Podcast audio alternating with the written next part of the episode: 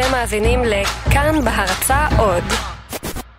שלום, אני גיא חג'אג'. אני רומטיק, ואתם מאזינים להרגע, כאן באולפן שלוש של תאגיד השידור הישראלי. ואנחנו עכשיו בפרק הרביעי שלנו, רצינו שנייה לעצור ורק. קודם כל להגיד לכם תודה שאתם מאזינים ומאזינות, ולהזמין אתכם לעזור לנו, כי אנחנו פודקאסט חדש. אמנם אנחנו כאן בתאגיד הגדול והעצום, ואנחנו פודקאסט חדש, ואנחנו עושים משהו קצת חדש, ואנחנו נשמח, אם אתם אוהבים את מה שאנחנו עושים, פשוט תמליצו לחברים. ואתם יכולים גם להירשם לניוזלטר שלנו, שבו כל שבוע אנחנו נודיע לכם במייל על הפרק החדש, וגם נספר סיפורים קטנים מאחורי הקלעים של העשייה, תקבלו אותו ברגע שהפרק יוצא, באותו הרגע. באותו רגע. בול.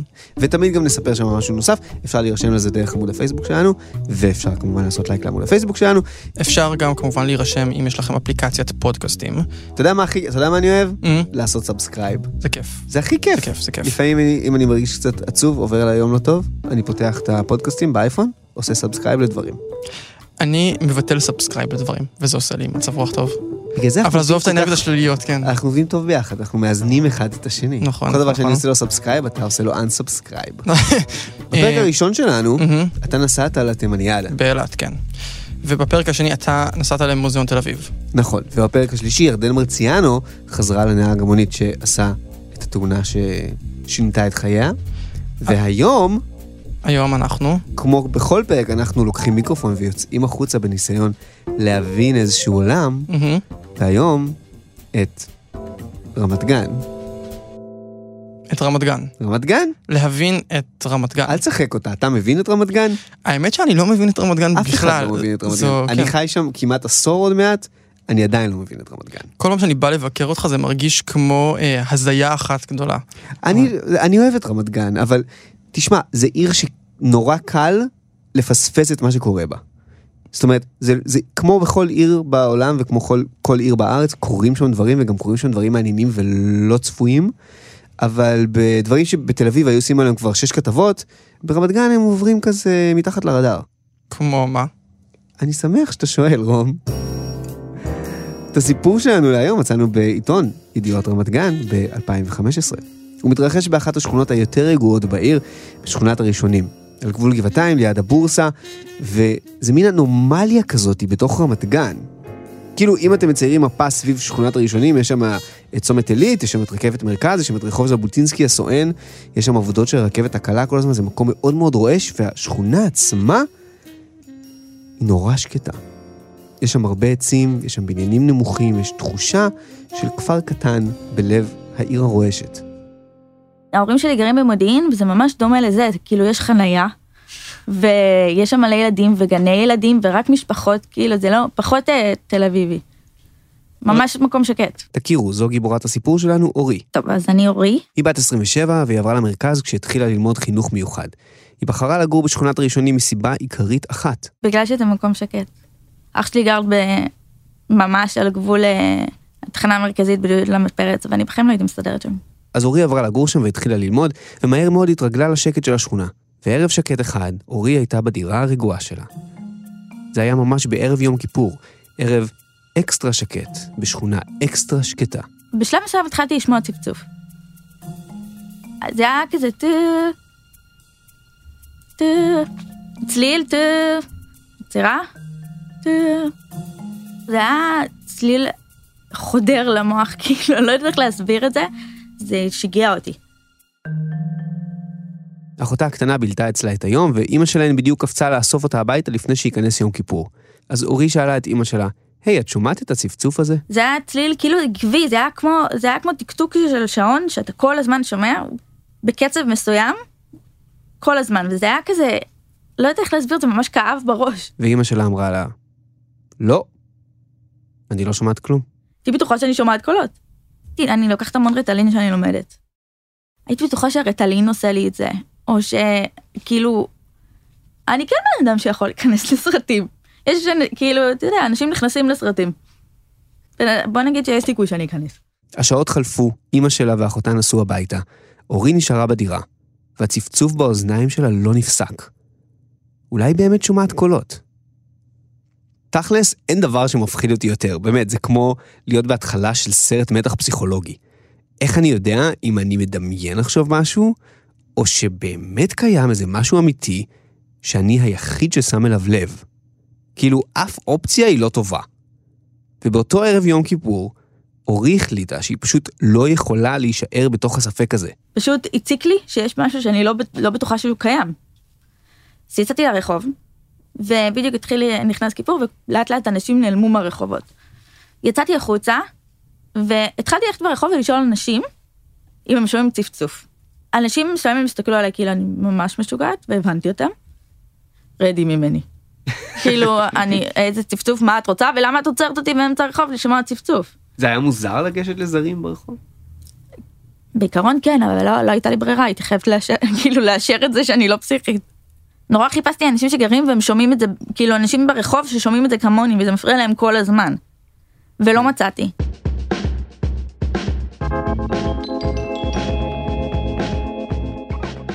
הערב ירד, פנסי רחוב כתומים נדלקו, והשכונה השקטה של אורי התחילה להתרוקן, ונהייתה אפילו יותר שקטה מהשקט הרגיל שלה. חוץ מהרעש הזה, הצפצוף הזה, הקטן והטורדני כמו יתוש במוח, שפשוט לא יצא לאורי מהאוזניים. היא המשיכה ללכת ברחוב ולשאול כל בן אדם שהיא מצאה, תגיד, רק אני שומעת את זה? ואיזה בן אדם אחד עצר, הקשיב ואמר לי, כן, אני שומע. ואז אמרתי לו, נכון שזה מחרפן? כאילו, זה לא רק אני. אז הוא אמר לי, אם הייתי גר כאן, כן.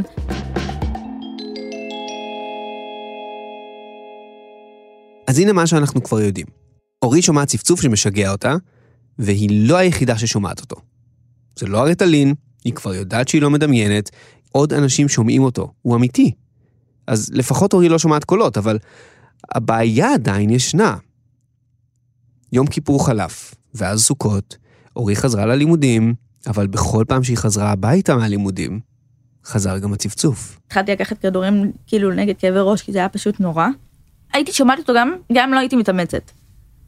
פשוט כל הזמן. מרוב שזה היה חוזר על עצמו, הראש שלך כאילו משלים את זה, אתה כבר יודע שזה הולך לבוא. אתה כבר מתחיל לעשות... כאילו הראש שלי כבר התחיל להשלים את זה. הצלחת לישון? לא, בשלב מסוים לא. מה, ממש לא ישן? לא, היה לי מיגרנות מטורפות, הייתי סוגרת את כל החלונות בבית בשביל לא לשמוע את זה.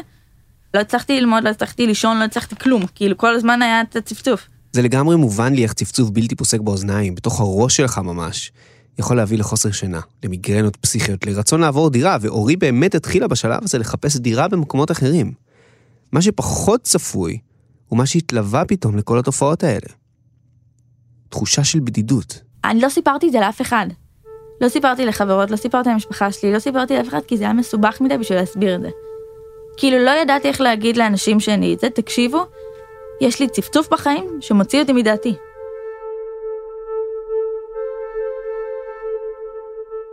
באיזשהו שלב אמרתי די, אני חייב ללכת להפסיק את זה. מהרגע שהיא החליטה לא להתמודד עם זה לבד, אורי הסתערה על המשימה בכל המרץ שנשאר לה. היא עשתה מה שכל בן אדם נורמלי היה עושה, היא פנתה לאנשים שתפקידם לטפל בבעיות בעיר. אבל לא ככה זה עובד במדינת ישראל. היא התקשרה לעיריית רמת גן ושם אמרו לה, נשמע שהצפצוף שלך בא מכיוון גבעתיים, אולי תתקשרי לגבעתיים.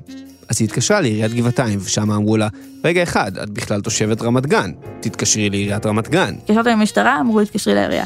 התקשרתי לעירייה, תתקשרי למשטרה. התקשרתי למשטרה, אמרו לי, טוב, תתקשרי למכבי אש. התקשרתי למכבי אש, טוב, תתקשרי לעירייה. מהעירייה יש אה, אה, מחלקת גנים, משהו כזה, הם יכולים לטפל בזה. אבל הם עובדים רק בין השעות האלה, אז תתקשרי להם ככה וככה. מכיוון שהצפצוף בינתיים לא הפסיק, גם אורי לא התכוונה להפסיק. אחרי שהיא התייאשה מהעירייה, וגם מהעירייה השנייה, היא התקשרה למשטרה. אבל הם לא הבינו איפה הפשע. כיוון שאורי היא אורי, היא פשוט נדנדה להם ונדנדה להם ונדנדה להם, עד שבסוף הם באו. אבל בכל פעם שהגיעה לרחוב של הניידת, יצאו ממנה שני שוטרים, הקשיבו רגע, ואמרו לה, גברת, אנחנו לא שומעים כלום. ואז הם פשוט הסתלקו משם. נראתה ממש במצוקה, באמת, כמעט על אפיסת כוחות. זאת אושי בוקסנבוים, היא סיירת במשטרת גבעתיים. כבר לא יכלה לנשום יותר מרוב שהיא הרגישה שהרעש מטמטם אותה, ממש ככה. הנה, אתה כשוטר, אתה רוכש לעצמך כל מיני uh, מיומנויות כדי לדעת מה עומד מולך, האם עומד מולך אזרח נורמלי, או האם עומד מולך אזרח שהוא קצת לא בסדר וזקוק לטיפול uh, נפשי. היא הייתה על הסף, של כמעט. הצפצוף הזה טמטם לה את המוח, לגמרי. אם היא הייתה יכולה, הייתה תולשת את כל השערות. באמת, כן, היא- אם הייתה יכולה, הייתה קופץ מהבניין. יכול להיות שחלק מהשוטרים ראו אותה כ, כ, כסוג של משוגעת, בגלל זה התייחסו אליה ככה. בשלב הזה אורי הבינה שהאנשים היחידים שיכולים לעזור לה, הם האנשים המעטים ששומעים כמוה את הצפצוף. יש קבוצה בפייסבוק של הרחוב. עכשיו, אני לא פעילה בפייסבוק, אבל אה, נכנסתי לקבוצה ורשמתי, אה, רשמתי שם, תקשיבו, כל מי ששומע את הצפצוף, ש... שיתקשר אליי. הקריאה שלה לעזרה הגיעה כל הדרך לצד השני של השכונה. שם גר אריאל. כמה שבועות לפני שאורי פרסמה את הפוסט שלה, אריאל ישב בחדר השינה שלו בקצה השני של השכונה. זה היה ערב סתווי ונעים, והחלון שלו היה פתוח. ואז התחלתי לשמוע איזה מין צפצוף כזה משום מקום. זאת אומרת, מין צפצוף חלש, מטריד משהו, זה היה בסביבות שמונה בערב. טוט, כזה. לא ייחסתי לזה יותר מדי חשיבות. מספר ימים אחר כך מצאתי את עצמי באיזה רגע שקט בבית, ושוב פעם שמעתי את הצפצוף הזה בסביבות 7-8 בערב. ואז החלטתי שכנראה מדובר פה במשהו שחוזר על עצמו, והתחלתי יותר לשים לב, ופה גם זה מתחיל להיות בעייתי, כי אחד שאתה שם לב לצפצוף, הוא לא עוזב אותך. בלי לדעת שום דבר על אורי, אריאל סבל מהצפצוף בדיוק כמוה. ובדיוק כמוה, גם הוא לא סיפר עליו לאף אחד. כל ערב, סביבות 7-8, צפצוף. זה, זה, זה, זה חרך דרך אור התוף באוקטבות הכי גבוהות ומטרידות שיש. וככה זה היה לפי דעתי במשך שבועיים, שבועיים ששמרתי את זה לעצמי, כי לא רציתי לחשוף את זה בפני לי. לי היא זאת אשתו של אריאל, היא ביקשה שלא נקליט אותה, יש להם שתי בנות קטנות. כי אתה, אתה לא רוצה לחשוף אנשים לצפצוף, כי אז הוא לא יוצא מהראש. זה כמו, זה כמו המטריקס כזה, אתה... מי שלא יודע שזה שם, חי כרגיל, ואחת שמגלים לך שיש זה, אין דרך חזרה. בסופו של דבר הוא סיפר לליהי, ובדיוק כמו שהוא חשב שיקרה, מעכשיו גם היא שמעה את הצפצוף. כמו אורי, קודם כל הם ניסו להיפטר מזה. נקטנו באמצעים. טמא אוזניים, לסגור חלונות, אה, אמצעים לסינון הרעש. אוקיי. אה, הבנות שלכם שמעו את זה? הקטנה עוד, עוד לא הייתה, יש לנו שתי בנות, והגדולה, לא, לא, היא לא שמעה את זה. נכון? דניאלה הייתה אז? דניאלה בת שנה ושמונה חודשים. שתי הבנות לא שמעו את זה. שתיהן היו קיימות וחיות, והם אה, לא שמעו את זה. לא, לא. זה היה שלנו לגמרי. זה היה שלנו כזוג. קצת אחרי שאריאל נתן לליהי במתנה את הצפצוף, והיא בתגובה לא הצליחה להפסיק לשמוע אותו והתחילה גם היא להתחרפן, הם היו חייבים לבדוק, בדיוק כמו אורי, אם זה משהו שקורה רק אצלם בראש, או שעוד אנשים שומעים את זה. הבנות שלהם למשל לא שמעו כלום. במקום לרדת לרחוב, ליהי נכנסה לפייסבוק, וחיפשה פשוט קבוצות מקומיות של השכונה. וממש שם, לנגד עיניה, התנוסס הפוסט הטרי של אורי. אשתו של אריאל התקשרה, היא אמרה לי, תקשיבי, זה מחרפן אותי, אני לא יכולה לישון, אני לא יכולה לעבוד, אני כבר, אני כבר יוצאת מדעתי, אז אני כל כך שמחה שרשמת את זה. וזהו, ואז שילבנו כוחות. עכשיו כשאריאל ואורי גילו על הקיום אחד של השנייה דרך הפוסט בפייסבוק, הם פתחו קבוצת וואטסאפ, צירפו שכנים נוספים ויצאו לחקור את העניין כמו להקה של בלשים. כל אחד יוצא למשימות מחקר שונות ואז חוזר ומעדכן את שאר הקבוצה בוואטסאפ. רק שבדרך כלל הם לא מצאו שום דבר. זה היה מתסכל בצורה בלתי רגילה, כי היית הולך לכיוון מסוים, הצפצוף היה גובר, אתה עובר נקודה והיה נחלש. ואז היית חוזר אחורה והיה קצת גובר ומתקדם לזה. לא היה לזה שום חוקיות. כאילו זה היה איזה מין... קיצור, אי אפשר היה לאתר את מקור הרעש, זה היה נוראי.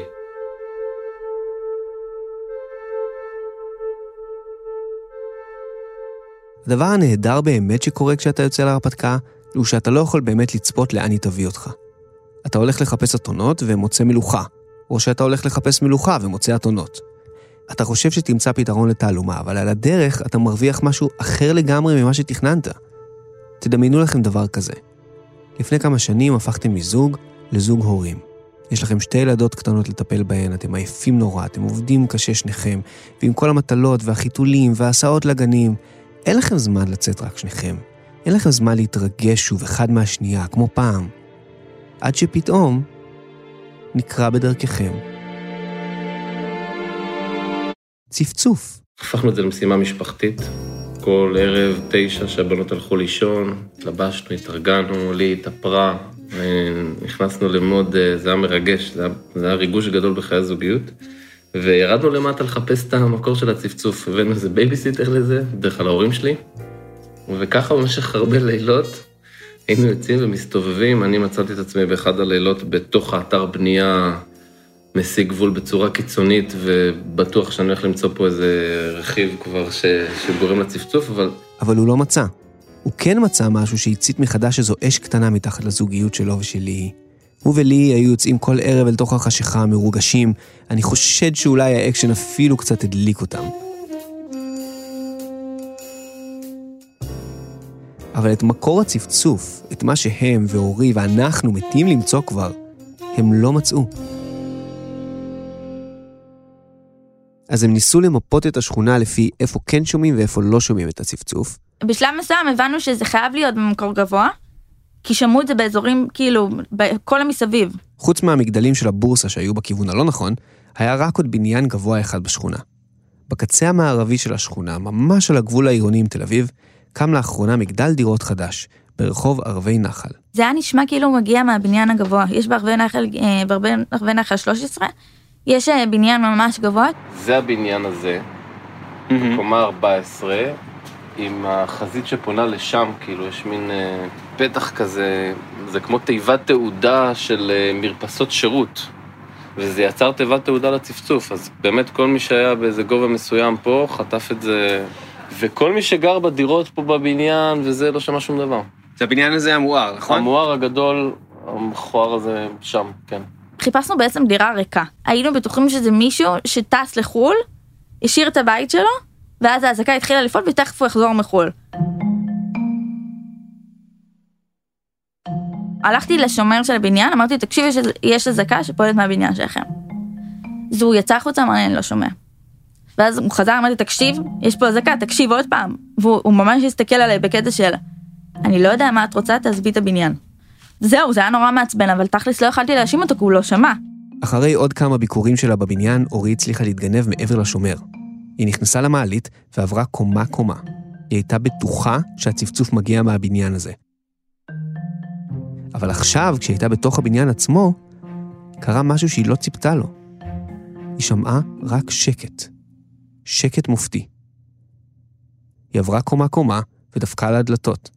חלק מהדיירים לא הסכימו לפתוח לה בכלל, ואלה שכן, כשהיא שאלה אותם, הם אמרו לה את מה שהיא שמעה כבר אלף פעם.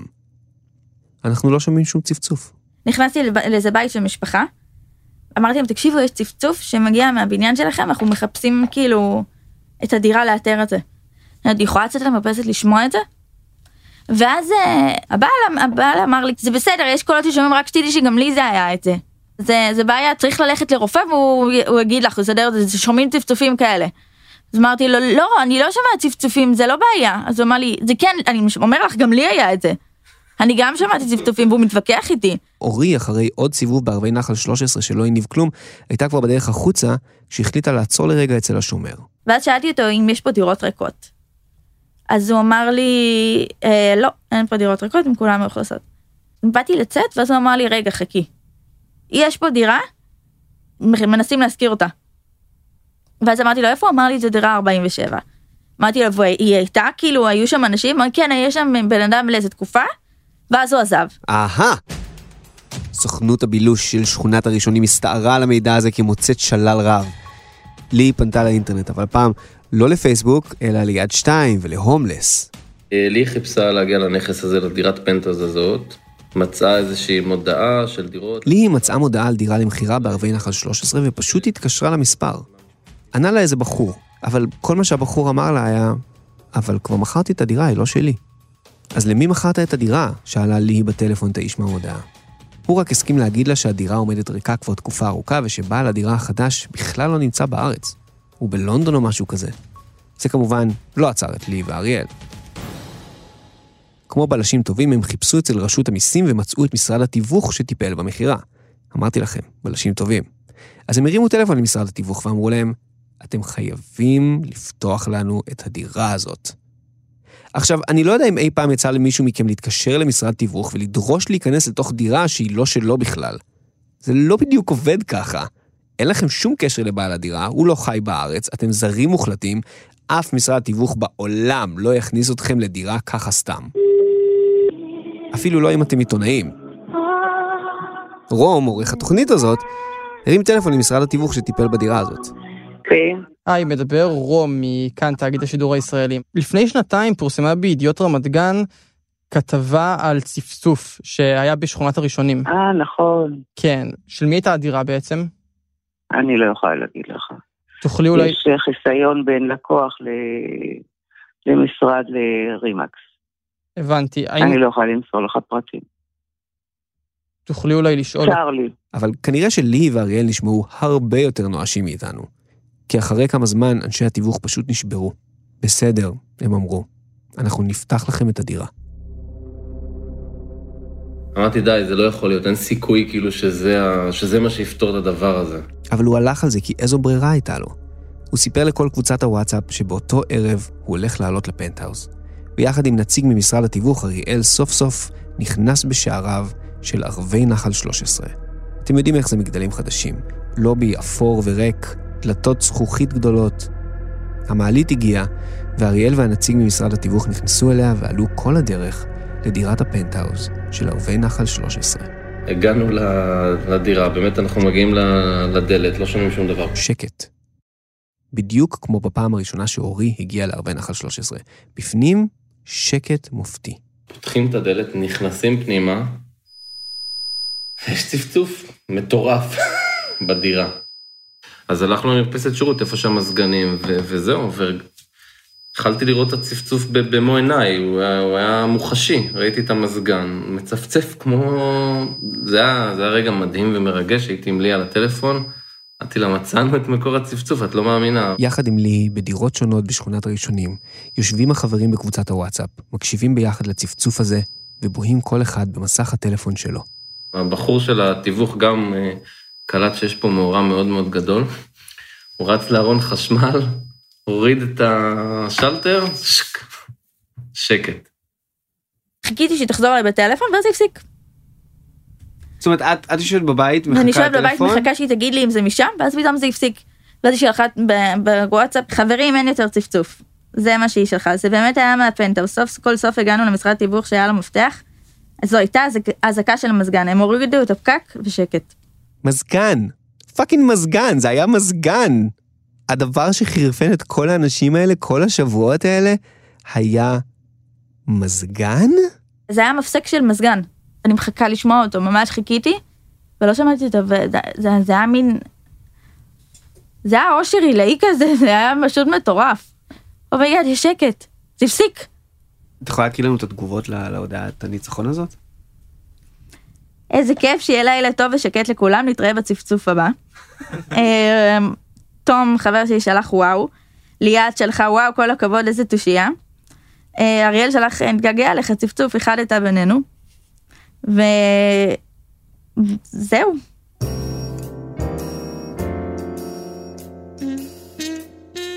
זו הייתה הקלה מאוד גדולה, אבל גם תחושת ריקנות מאוד קשה.